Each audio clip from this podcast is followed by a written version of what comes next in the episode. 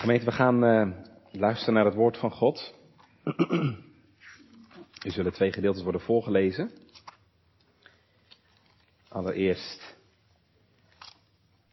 een aantal versen uit Jesaja 61. Jesaja 61. De eerste drie versen. En vervolgens het Lucas-evangelie, Lucas 4. En daar lezen we uit vanaf vers 16 tot en met 21. Dus Jezaja 61, 1 tot en met 3. En Lucas 4, 16 tot en met 21.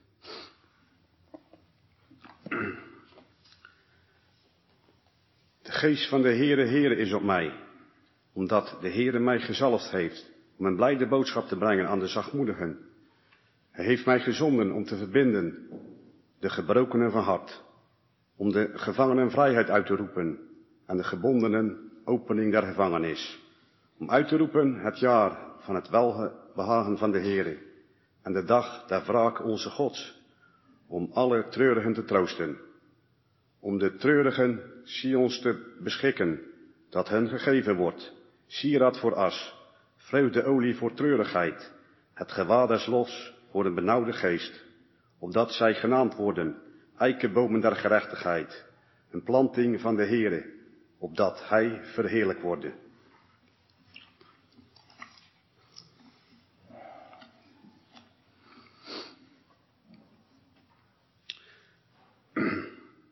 Hij kwam in Nazareth, waar hij opgevoed was, en ging naar zijn gewoonte op de dag van de Sabbat in de synagoge, en stond op om te lezen.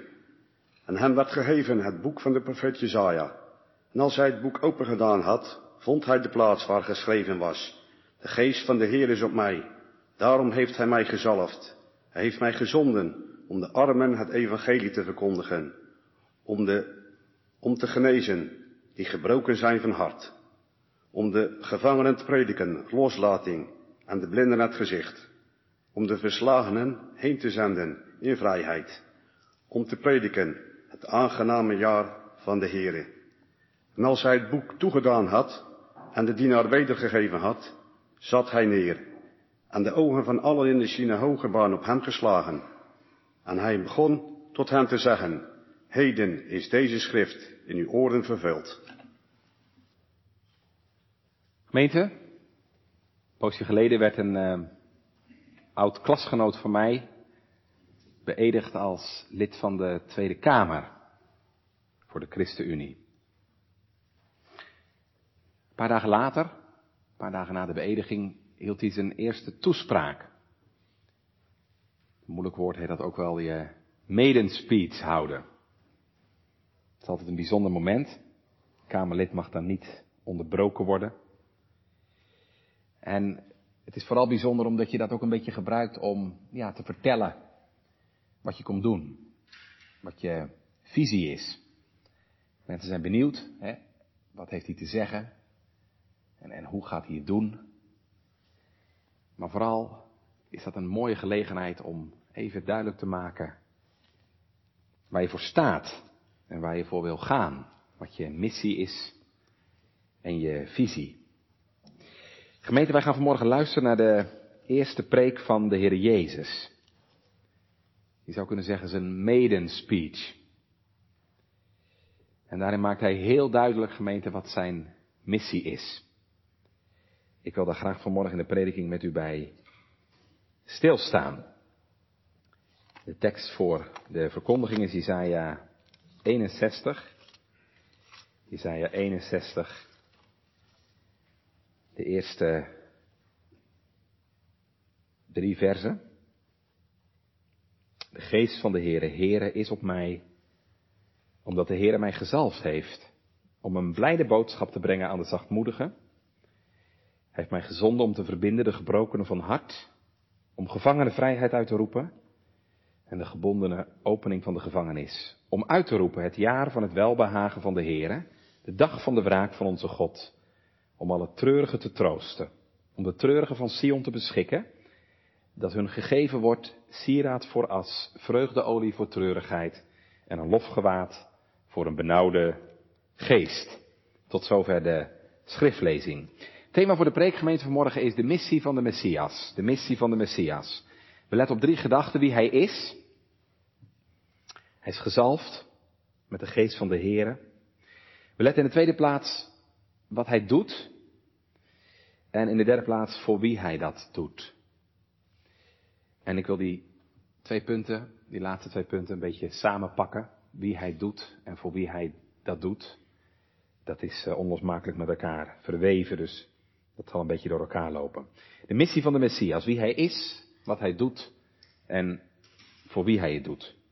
Gemeente, jongens en meisjes, over een uh, paar maanden, eind april, is het weer Koningsdag. En ik herinner mij, in de tijd dat ik jong was, in het dorp waar ik woonde, dat Koningsdag, ja toen heette het natuurlijk nog Koninginnedag, altijd begon in ons dorp met een revij. Een paar mensen bliezen op de trompet. Al heel vroeg, zeven uur s morgens of zo. En dat was dan het start zijn van het feest. Nou jongens en meisjes, gemeente, zo ging dat in Israël ook. Eens in de vijftig jaar was er een heel bijzonder moment. Een moment dat overal de trompetten klonken. Je kunt erover lezen in uh, Leviticus 25. Ik zal u dat voorlezen, wat de Heer daar zegt. Dan moet u in de zevende maand, op de tiende dag van de maand, bazuingeschal, trompetgeschal laten klinken. Op de verzoendag moet u de bazuin in heel uw land laten klinken. U moet het vijftigste jaar heiligen en vrijlating in het land uitroepen voor alle bewoners ervan. Het is jubeljaar voor u. Ieder zal terugkeren naar zijn eigen bezit en ieder zal terugkeren naar zijn familie.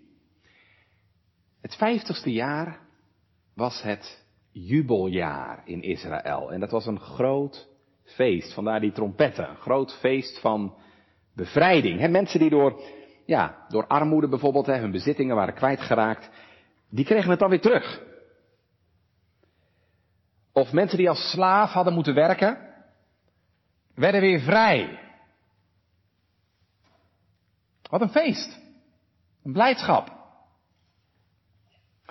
Waarom vertel ik dit? Wel gemeente, omdat Jezus zegt in Lucas 4 dat het grote jubeljaar is aangebroken. Het aangename jaar van de Here. Niet na 50 jaar, maar na eeuwen is eindelijk het moment aangebroken dat de grote bevrijding, waar het jubeljaar een symbool van was, gaat beginnen. En gemeente, dat gebeurt op een zaterdag in Nazareth. Jezus die net gedoopt is in de Jordaan, dat kunt u hier voorlezen in hoofdstuk 3. Waar de Heilige Geest hè, vanuit de hemel op hem neerdaalt. Jezus keert na de verzoeking in de woestijn terug naar Nazareth. Het stadje waar hij ook is opgegroeid. Ja, en in Nazareth gemeente zijn de verwachtingen heel hoog gespannen. Want het gerucht over Jezus, over de dingen die hij doet en die hij zegt, doet al overal de ronde in de wijde omgeving. En dan gaat hij op de Sabbat, zoals hij dat gewoon was, naar de synagoge. Bijzonder moment, is een eigen gemeente. Ik zal nooit het moment vergeten dat ik in uh, Veenendaal in mijn eigen gemeente voor het eerst mocht preken. Dan is dat, ja, dat is wel een beetje speciaal. Dan wordt er toch een beetje anders naar je gekeken. Nou, zo zal dat in Nazareth ook wel gegaan zijn. En als hij dan, ja, de boekrol aangereikt krijgt, het gedeelte krijgt aangewezen wat voor die dag uh, gelezen moet worden, begint hij te lezen. En het schriftgedeelte wat hij leest, gemeente, dat is ook het schriftgedeelte wat wij zojuist hebben gelezen. Jezaja 61. En u hoorde het, als Jezus klaar is met de schriftlezing, dan zegt hij, heden, nu, op dit moment, is deze schrift in jullie oren vervuld. Met andere woorden, wat Jezaja hier zei, dat wordt nu in mij en door mij vervuld. Om te prediken het aangename jaar van de Here. Of zoals het hier staat in Jezaja 61 vers 2. Om uit te roepen het jaar van het welbehagen van de Here. Nou, wat is dat aangename jaar? Dat jaar van het welbehagen van de Here. Dat is natuurlijk het jubeljaar. Dat was het aangename jaar in Israël. Het jaar van de verlossing en de bevrijding. En Jezus zegt nu, ik ben gekomen en nu ik met mijn werk ga beginnen, gaat het grote jubeljaar beginnen. Het laatste der dagen. Waarin mensen die gebonden zijn en bekneld zitten, bevrijd worden door Christus. De gezalfde van de Here. Nou, bij die profetie, waar de Heer Jezus dus zijn bediening mee begint, zijn medespeed zou je kunnen zeggen, willen wij vanmorgen stilstaan. En u begrijpt, het is natuurlijk niet voor niks dat Jezus, ja, uitgerekend deze tekst kiest. Um, want net als bij een medespeech is dit een prachtig gedeelte wat weergeeft wie hij is en wat hij komt doen. Een heerlijk gedeelte dat getuigt van de missie van de Messias. En ik zei al, dit gedeelte laat ons drie dingen zien. Dan gaan we ook naar kijken zometeen. Het vertelt ons wie de Messias is, wat hij komt doen en voor wie hij dat komt doen. Jesaja 61, het tekstgedeelte van vanmorgen gemeente, is een messiaanse profetie. Dat betekent het gaat over de Messias. We horen in dit gedeelte de Messias zelf aan het woord als hij zegt hè, in vers 1, de geest van de Heere, Heere is op mij. dus de Messias zal vervuld zijn, zal vol zijn van de Heilige Geest. Dat is iets wat je steeds weer tegenkomt in de profeet Jesaja. Ik zal u even twee voorbeelden noemen uit andere gedeeltes. De eerste plaats die bekende adventsprofetie hè, uit Jesaja 11, waar we lezen op hem zal de geest des Heren rusten, de geest van wijsheid en verstand, de geest van raad en sterkte, de geest van kennis en vrezen des Heren. En later in de profeet Jesaja hoofdstuk 42 horen dat weer terugkomen. Mijn knecht, die ik ondersteun, mijn uitverkorene en wie mijn ziel een welbehagen heeft, ik heb mijn geest op hem gegeven. En nu hier, Jesaja 61 dus weer, de geest van de Heere Heere is op mij, omdat de Heere mij gezalfd heeft. Laat ik daar eerst even iets over zeggen, want wat betekent dat? Dat Jezus gezalfd is. Toevallig hadden we het er afgelopen vrijdag op beleideniscategorisatie over uitgelegd aan de catechizanten, hè, dat salving in de Bijbel betekent dat je aangesteld werd voor een bepaalde taak. Koningen, profeten en priesters in Israël werden gezalfd. En dat betekende zoveel als, ja, de Heer heeft werk voor je. Hij roept je tot een taak in zijn dienst. Voor zijn volk. Je zou dus kunnen zeggen, die zalving is een teken van aanstelling. Zoals vroeger in Frankrijk ook de koningen gezalfd werden. De kathedraal van Reims, als ik me niet vergis. Zo is Christus, ja, door God de Vader aangesteld om de Messias, de Verlosser van zijn volk te zijn. Nou, die aanstelling, dat is natuurlijk al gebeurd voordat de wereld er was. Dat is al gebeurd in de eeuwigheid. En dat is zichtbaar geworden als een zichtbaar teken daarvan toen Jezus gedoopt is in de Jordaan. Wat je kunt lezen in het hoofdstuk hiervoor. Toen daalde de geest uit de hemel neer en er klonk een stem. Dit is mijn geliefde zoon in wie ik al mijn welbehagen heb. Hij was het al natuurlijk, maar toen werd het echt zichtbaar. De kanttekeningen van de Statenvertaling, het is mooi van zo'n oude kanselbijbel, dat je die er even bij kunt pakken. De kanttekeningen bij de Statenvertaling zeggen hier heel terecht, ik lees het even voor. Door deze zalving wordt verstaan dat Christus naar zijn menselijke natuur met de gave van de Heilige Geest zonder mate begiftigd en versierd is geworden. En naar zijn hele persoon tot onze koning, priester en profeet door de Vader is aangesteld geworden.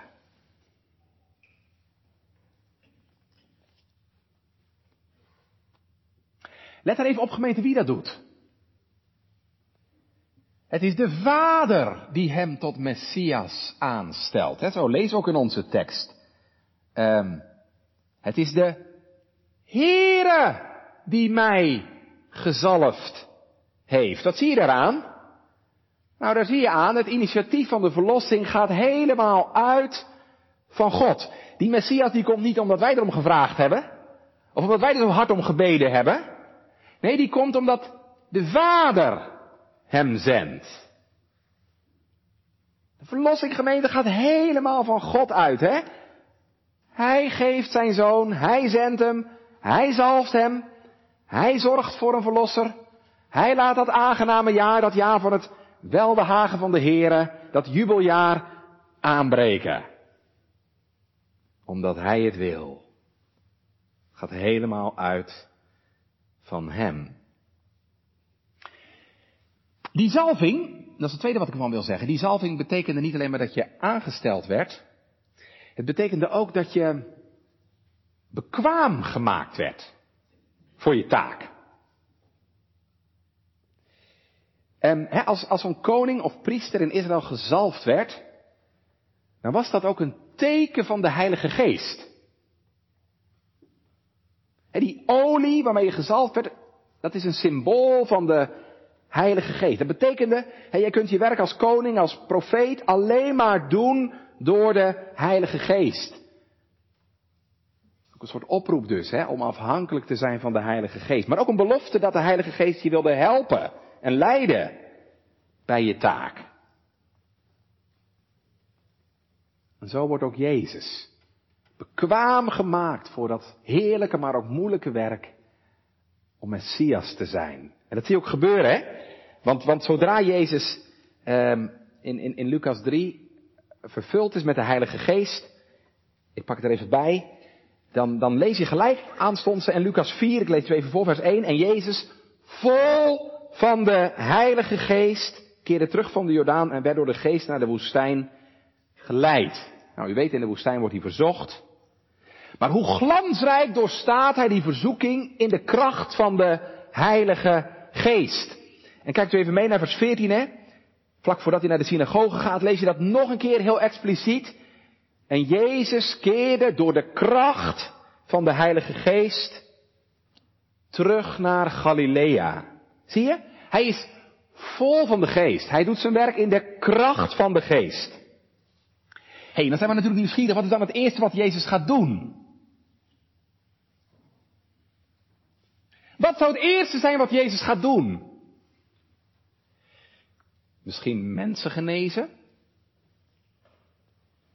Melaatse reinigen? Misschien doden opwekken? Nee. Preken. Wat was het eerste wat Petrus deed op de Pinksterdag toen hij vervuld was met de Heilige Geest? Preken.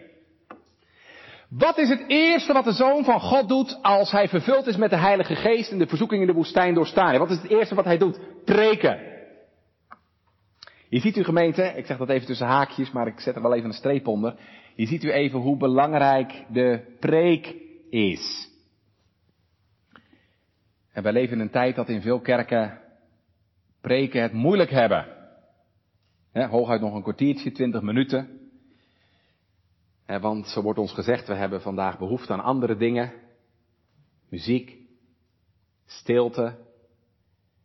Nou, ik zeg niet dat die dingen niet belangrijk zijn, maar dat kan nooit de kern zijn. Dat ziet u hier. Het eerste wat Jezus doet als hij in Nazareth komt, het eerste wat de geest wil dat hij doet, is spreken, de woorden van God spreken. Een van de Puritijnen zegt, God had één zoon. En hij maakte hem een prediker. God had één zoon en hij maakte hem een prediker. En wat is dan zijn boodschap? Waar gaat zijn medespeech over? Wat heeft hij nou te zeggen over zijn werk, over zijn missie? Nou, dat gaan we horen met onze tweede gedachte. Waarin we zullen zien wat hij doet. We hebben gekeken wie hij is.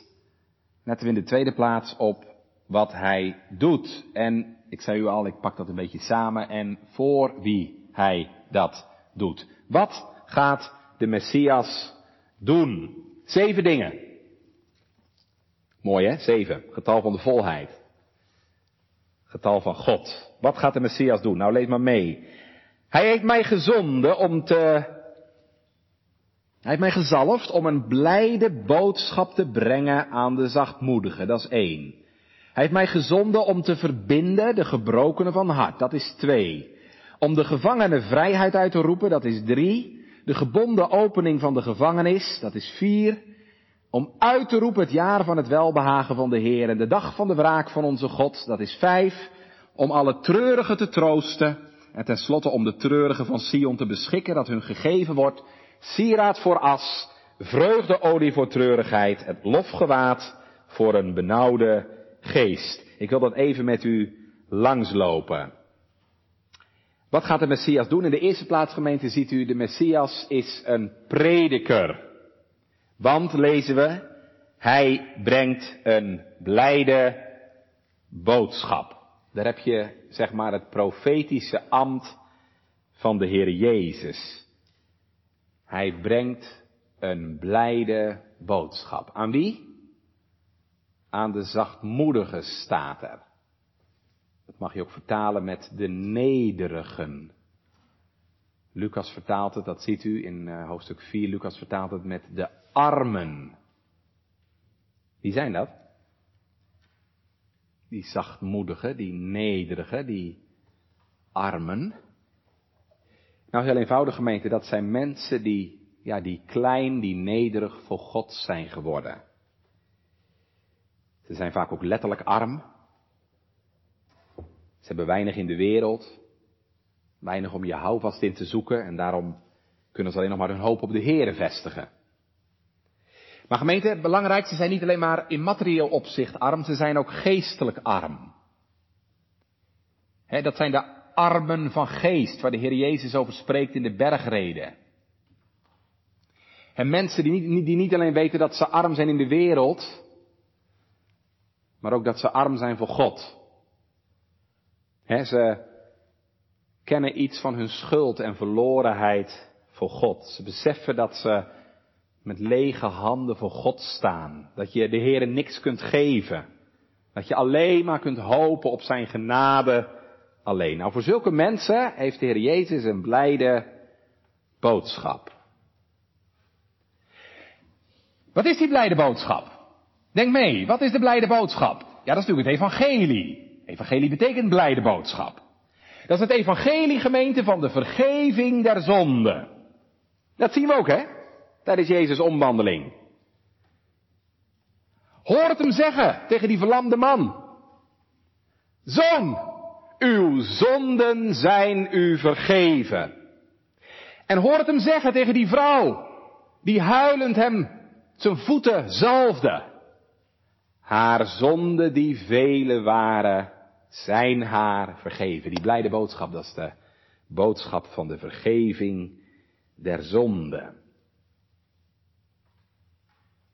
In de tweede plaats, gemeente, de Messias is niet alleen maar een prediker, we zien hij is ook een arts. Een arts, een dokter, kijk maar. Hij heeft mij gezonden om te verbinden de gebrokenen van hart. Een gebroken hartgemeente kan niet meer genezen worden. Althans, dat kan alleen de Heere Jezus. Wat is dat een gebroken hart? Ik hoop dat u het kent. Een gebroken hartgemeente, dat kun je hebben vanwege je zonde en schuld. dat je hart door schuldbesef getroffen en verslagen is. En dat je je zo klein en schuldig voor God voelt. Zo was dat bij de tollenaar, die zich op zijn borst sloeg. Een gebroken hartgemeente, dat kun je ook hebben als er grote beproevingen en zorgen in je leven zijn. Als de Heere je slaat. Als die je man wegneemt. Of je vrouw. Of als de Heer een hele moeilijke weg met je gaat. Dan kan je hart zo gebroken zijn, gemeente. Dat niemand het meer helen kan. Dat niemand je meer troosten kan. Behalve die ene. Jezus Christus. Want Hij is door de Vader gezonden om te verbinden de gebrokenen van hart. Net als die barmhartige Samaritaan knielt hij dan bij je neer. En hij buigt zich over je heen. En hij giet olie in je wonden. En hij verbindt je. Zacht en liefelijk. O gemeente, ik mag u gerust zeggen, er is geen werk wat Jezus liever doet dan gebroken harten verbinden. Hoe weet u dat? Omdat we dat steeds weer lezen in de Bijbel. wat lezen we over de knecht des Heren in Jesaja 42? Ik haalde dat straks al aan. Ik zal het u nog een keer lezen. Wat lezen we van de knecht des Heren? Jesaja 42. Het gekrookte riet, het geknakte riet, zal hij niet verbreken en de rokende vlaspit zal hij niet uitblussen. En we horen in Jesaja 50 de Heer Jezus zeggen, ik weet met de vermoeiden een woord op de juiste tijd te spreken. En je moet eens horen wat de Heer getuigt in Jesaja 59. Ik woon in de hoogte en in het heilige. En bij die die van een verbrijzelde en nederige geest is, opdat ik levend maken de geest der nederige en opdat ik levend maken het hart van de verbrijzelde. Zie je? De Heer woont niet alleen maar in de hemel, maar hij wil ook wonen bij mensen met een gebroken, verbrijzeld hart. Hij doet die verbrijzelde harten herleven. En hij geneest die in hun zonde en ellende tot hem zich ter genezing wenden. De Heere is nabij de gebrokenen van hart en hij verlost de verbrijzelde van geest. Het is echt waar, gemeente, wat David zegt. Een verbrijzeld en verslagen hart zult gij, o God, niet verachten. De Messias is een arts, de beste die er is. In de derde plaats, gemeente, de Messias is ook een bevrijder, een verlosser. Want wat lezen we? Ik lees even verder. Hij heeft mij gezonden om de gevangenen vrijheid uit te roepen. En de gebondenen opening van de gevangenis. Hij is gezonden om gevangenen vrijheid uit te roepen. Nou, dan moet je hier niet denken in de eerste plaats aan mensen die letterlijk gevangen zijn.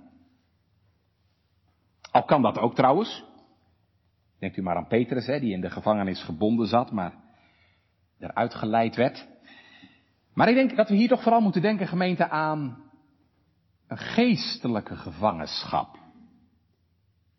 De Bijbel spreekt ook over een geestelijke gevangenschap. allereerst zijn wij mensen gevangen in de macht van de zonde. In elk mensenleven, bij mij en bij jou en bij u, uh, zijn er van die dingen die sterker zijn dan wij. dat, kan, uh, ja, dat kan liefde voor geld zijn. Dat kan een verkeerde gewoonte in je leven zijn die je er maar niet onder krijgt. Het kan een verslaving zijn aan drank, seks, drugs, noem maar op. Maar wat het ook is, gemeente je leven, en u weet zelf wel wat het is, het is sterker dan jij.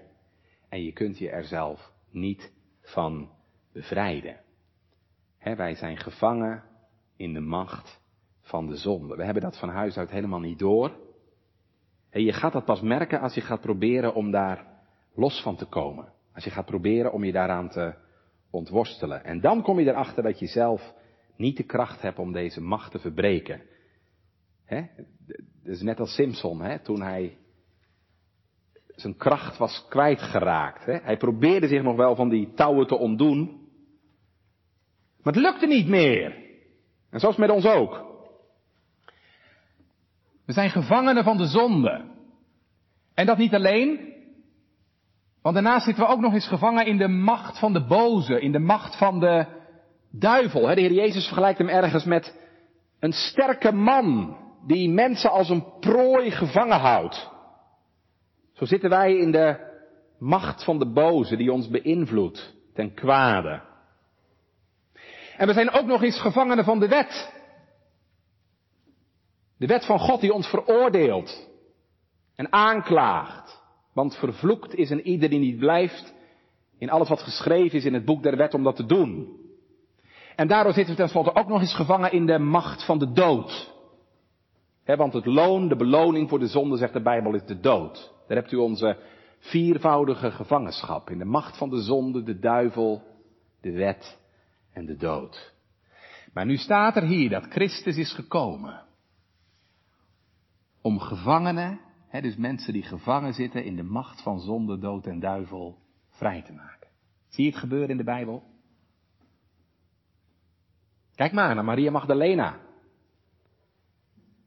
Uit wie hij zeven duivelen geworpen heeft. Of denk maar aan die bezeten man uit Gadara. Jezus kwam voorbij.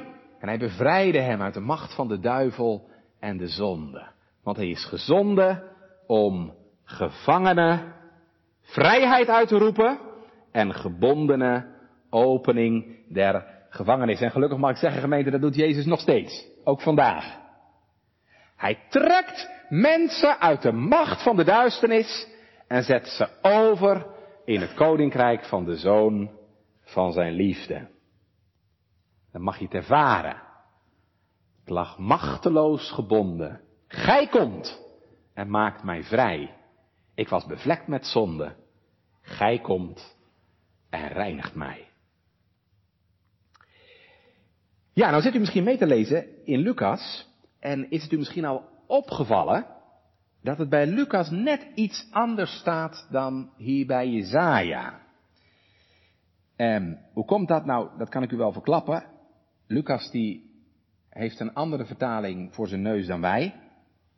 Hij las in de Septuagint. Dat is de Griekse vertaling van het Oude Testament. En die Griekse vertaling van het Oude Testament heeft het niet over opening van de gevangenis. Maar daar staat, hij geeft blinden het gezicht. Hij laat blinden het licht zien. Dat lijkt iets anders, maar dat is niet zo. Je moet je voorstellen, als je in een gevangenis zit, teken vroeger, toen ze nog geen elektrische verlichting hadden, zit je in donker gewoon, hè? Je ziet echt geen hand voor je ogen. En dan gaat die deur open. Die gevangenis wordt geopend. Wat is dan het gevolg? Ja, je gaat weer zien. Het licht stroomt binnen. Je krijgt het gezicht weer terug. Vandaar die vertaling in de Septuagint die Lucas ook gebruikt. Hij geeft blinden het gezicht. Nou, dat is ook wat Jezus natuurlijk doet, gemeente. Als hij komt in je leven en hij opent die gevangenis, dan gaat het licht schijnen. Je zat in het pikken donker, maar hij is het licht der wereld en waar hij komt, moet de nacht verdwijnen. Gaat het volgende, het vierde. Want de Messias zorgt ook, dan gaan we even naar vers 2, hij zorgt ook voor het jubeljaar van de verlossing. Want we lezen, om uit te roepen het jaar van het welbehagen des Heren en de dag van de wraak van onze God. Nou, dat hoef ik niet veel te zeggen, want daar heb ik al iets over gezegd over dat jubeljaar. Hè? En we zagen het straks, dat jubeljaar, dat was een soort voorbode, een soort afschaduwing hè, van de bevrijding waar de Messias straks voor zou gaan zorgen.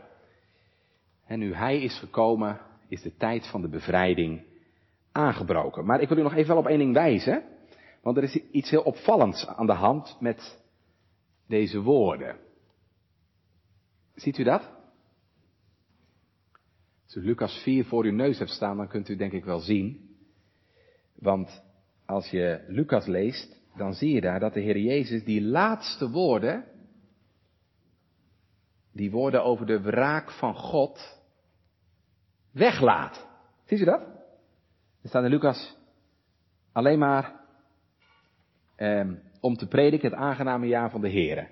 En dan die woorden over eh, de dag van de wraak van onze God, die laat Jezus weg. Dat is natuurlijk heel opvallend. Gelooft Jezus soms niet in de toorn, in de wraak van God? Jawel, zeker wel. Alleen nu nog niet, gemeente. Zijn komst is allereerst een komst van heil. Van redding. Tuurlijk, dat oordeel komt ook. Maar nog niet nu. Daarom laat hij die woorden weg. gemeente, zo is het nog. Wij leven dus nog steeds in die tijd van heil. Nog steeds is de dag van Gods toorn, van Gods wraak niet gekomen. Je zou dus kunnen zeggen dat jubeljaar van de verlossing, dat trekt zich nu al 2000 jaar uit. Nog steeds is God langmoedig met deze wereld. Wat heerlijk. Maar ik zou ook zeggen, misbruik dat niet, hè? Gebruik het tot je voordeel. Want hoe zul je ontvluchten als je op zo'n grote zaligheid geen acht geeft? Nu is het de aangename tijd. Nu is het de dag van de zaligheid. Ook 24 januari 2021. Wij leven nog steeds in de tijd van het heil, in het jubeljaar van de verlossing. Daarom mag je hier vanmorgen zitten en meeluisteren. Het vijfde wat de Messias doet. Hij is gemeente ook een trooster. Want we lezen in vers 2 om alle treurigen te troosten. Ja, om wie gaat dat? Alle treurigen. Zijn dat soms alle mensen die verdriet hebben? Nee, dat wordt hier niet bedoeld. Jezus is niet gekomen om de drankverslaafde te troosten die zijn fles mist. Of de Feyenoord supporter die zo baalt dat zijn club vorige week van Ajax verloor. nee, daar is Jezus niet voor gekomen om die te troosten. Er staat ook heel expliciet bij, hè, in vers 3. Het zijn de treurigen van Sion. Het zijn de treurigen van Sion. Het zijn, het gaat hier om de kinderen van God die treuren. Je zegt, waarom treuren die dan? Toch één soort mensen zijn die geen reden hebben om te treuren, zijn toch Gods kinderen. Jawel, toch treuren die gemeenten. Die treuren, ja, vanwege de zonde in je eigen leven. Ze treuren soms ook om de zonde van anderen. Ze treuren vanwege de gebrokenheid in deze wereld. Ze treuren vanwege de toestand van Gods koninkrijk in deze wereld. Jezus zegt, ik troost hem. Ik troost hem. De Heer Jezus houdt heel veel van die treurende. Hij zegt het zelfs, hè? Zalig zijn die treuren, want zij zullen vertroost worden. En dat doet hij ook. Hij bemoedigt hen met zijn woord. En hij troost hen door zijn geest die in hen woont. En dat is het laatste wat er genoemd wordt. Het laatste we nog even naar kijken. En hoe hij dat doet, dan ga ik even naar vers 3. Om de treurigen van Sion te beschikken dat hun gegeven wordt sieraad in plaats van as, vreugdeolie in plaats van treurigheid en een lofgewaad in plaats van een benauwde geest. Sieraad voor as. Ja, u weet hè, as dat deden ze in Israël vroeger op hun hoofd als ze in rouw waren, als hij heel erg verdrietig was. Maar in plaats daarvan geeft Jezus een sieraad. Het gaat hier waarschijnlijk om een sierlijke kroon op je hoofd. En hij geeft vreugdeolie voor treurigheid. olie in Israël, dat deed je op bij een feestelijke gelegenheid. He, zoals wij vandaag een lekker luchtje opdoen als je naar een verjaardag of naar een bruiloft gaat. En, en een lofgewaad, dat is ook een feestelijk iets. He, dat is een feestkleed. Zoals de verloren zoon die kreeg, toen hij weer terugkeerde bij zijn vader. Die kreeg een feestkleed aan. Nou, allemaal beelden die weergeven dat wanneer Jezus komt, verdriet en droefheid moet wijken. En de blijdschap en de vreugde weer hersteld wordt. Nou, zo gemeente maakt Jezus in Nazareth duidelijk, niet alleen maar wie hij is, maar ook wat hij komt doen en voor wie hij dat doet. We hebben gezien, hij brengt een blijde boodschap. Hij verbindt, hij bevrijdt en hij troost. De zachtmoedigen, de gebrokenen, de gevangenen, de gebondenen, de treurenden. Ja, daar wil ik nog wel iets over zeggen. Want u ziet wel gemeente, en ik wil er echt even de aandacht voor vragen, u ziet wel gemeente dat dat wel een hele gekwalificeerde groep is, hè? Dat slaat niet op iedereen. Nee, dat klopt. Het evangelie, dat is wel voor alle mensen. Maar het landt niet bij alle mensen. Jezus' boodschap landt alleen bij mensen die nederig zijn geworden. Die zich gebroken voelen, die zich gevangen weten en onvrij, die treuren. En als dat niet zo is, ja, dan zul je nooit je behoefte aan de Heer Jezus voelen. Het is echt waar, gemeente, om, om gered te worden, zul je eerst moeten geloven dat je verloren bent. Jezus zegt dat ook zelf. Wie gezond zijn, hebben de dokter niet nodig. Hè, verband, dat waardeer je pas als je gewond bent. En vrijheid, dat is pas echt kostbaar als je gevangen bent. Troost waardeer je pas echt als je verdrietig bent. Ik bedoel, dat is geen voorwaarde gemeente, maar dat is wel de weg waarin we Christus leren kennen. En dat is ook de weg waarin de Heer plaats maakt voor de troost van het evangelie. Daarom zijn we ook zo ontzettend afhankelijk van de Heilige Geest natuurlijk, hè? want het is de Heilige Geest die, die ons onszelf leert kennen. Het is de Heilige Geest die ons overtuigt van onze zonde. En dat is zo nodig. want zolang jij nog op eigen benen kunt staan, en zolang je nog tevreden bent met jezelf, en het nog aardig met jezelf kunt vinden, en zolang je jezelf nog redden kunt, lieve gemeente, zul je aan deze zalig maken voorbij leven. Dat heb ik ook jaren gedaan. En de Heer Jezus heeft dat zelf gezegd. Ik dank u, Vader, Heere des hemels en der aarde, dat u deze dingen voor wijze en verstandigen, voor mensen die het nogal goed met zichzelf getroffen hebben, verborgen hebt. Maar u hebt ze aan de kinderen geopenbaard. He, kinderen. We moeten klein worden als een kind voor God. We moeten onze verlorenheid leren inzien en leren treuren over onze zonden. Gebroken van hart worden, wil het evangelie echt zijn werk doen in ons leven. En daarom eindig ik vanmorgen met twee toepassingen. Ik wil in de eerste plaats iets zeggen als je deze zaligmaker nog niet kent. Dan laat dit gedeelte van morgen zien waar dat in uw, jouw leven op vastzit. Dat komt gemeente omdat je nog nooit arm bent geworden voor God. Nooit verbroken geweest vanwege je zonde. Je ziet niet in dat je gevangen zit in de macht van de zonde en de duivel. Je weet niet wat het is om te treuren over je zonde. Je hebt misschien nog nooit een traan om gelaten. Hoe zul je dat nou ooit gaan zien? Kijk, dominees kunnen je natuurlijk zeggen hoe het ervoor staat. Maar hoe lang hoort u het al? En u gelooft het nog steeds niet. Hoe zult u ooit gaan zien?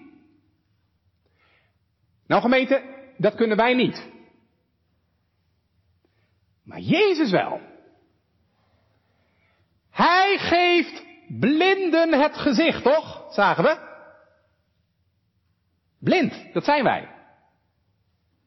We zijn blind voor onze werkelijke toestand. Maar wat heerlijk, Jezus geeft blinden het gezicht. Dus als je de Heer Jezus nog niet kent, wat moet je dan doen? Dan moet je de Heer Jezus aanroepen. Heere, open mijn ogen. Ontdek me aan mezelf, aan mijn werkelijke toestand. Want Jezus heeft niet alleen maar het medicijn gemeten, maar Jezus stelt ook de diagnose. Hij heeft de geest uitgestort die overtuigt van zonde. Je zegt, dominee, ik vind dit geen fijne boodschap.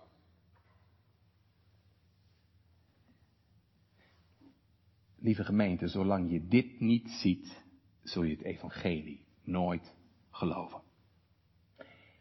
En daarom bid dat Jezus je ogen opent. Dat wil hij. Hij is gekomen om blinden het gezicht te geven. He, dan leert hij je kijken in de spiegel van de wet. En dan zie je, wat is dat schrikken? Ik ben schuldig aan al Gods geboden. Dan zie je jezelf zoals God jou ziet. Ellendig, arm, jammerlijk, blind en naakt. En wat zegt de Heer Jezus dan? Ga nou maar gauw weg. Ik wil niks mee te maken hebben. Dan zegt hij, ik raad u dat gij van mij koopt. Goud, beproefd komend uit het vuur, opdat je rijk mag worden.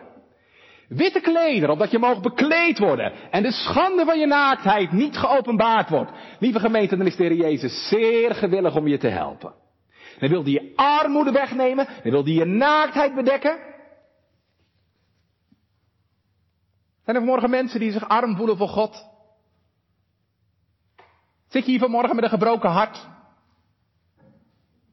Voel je zo gebonden en gevangen en slaaf van de zonde? En besef je dat je jezelf niet helpen kunt? En kun je maar niet verder komen in je gebed dan, oh God, wees mij zondag genadig. Oh, dan wil Hij je gebroken hart verbinden. Dan wil Jezus je bevrijden van alles wat je gevangen houdt. Dan wil Hij je troosten in je verdriet. Kom dan maar naar Hem. Want Hij geeft sieraad voor as. Vreugdeolie voor treurigheid. Een lofgewaad voor een benauwde geest. Is echt waar gemeente, Hij troost het hart dat schrijend tot Hem vlucht. Dat ongeveinsd in het midden van zijn ellende zich naar zijn troon met zijn gebeen blijft wenden. En denk dan maar niet, ga dan maar niet zitten piekeren, ben ik wel geschikt om tot Jezus te komen? Als u een zalig maken nodig hebt, dan is die er voor u. als je wanhoopt aan jezelf en je voelt dat je een zalig maken nodig hebt, nou dan is hij er voor u. Dat heeft hij zelf gezegd. Dus ga niet kijken of je wel geschikt bent, want dat ben je helemaal niet en dat zul je ook nooit worden. Maar ik heb vanmorgen wel een geschikte zaligmaker voor u. Een zaligmaker die alles heeft wat jij mist. Die alles heeft wat u nodig hebt.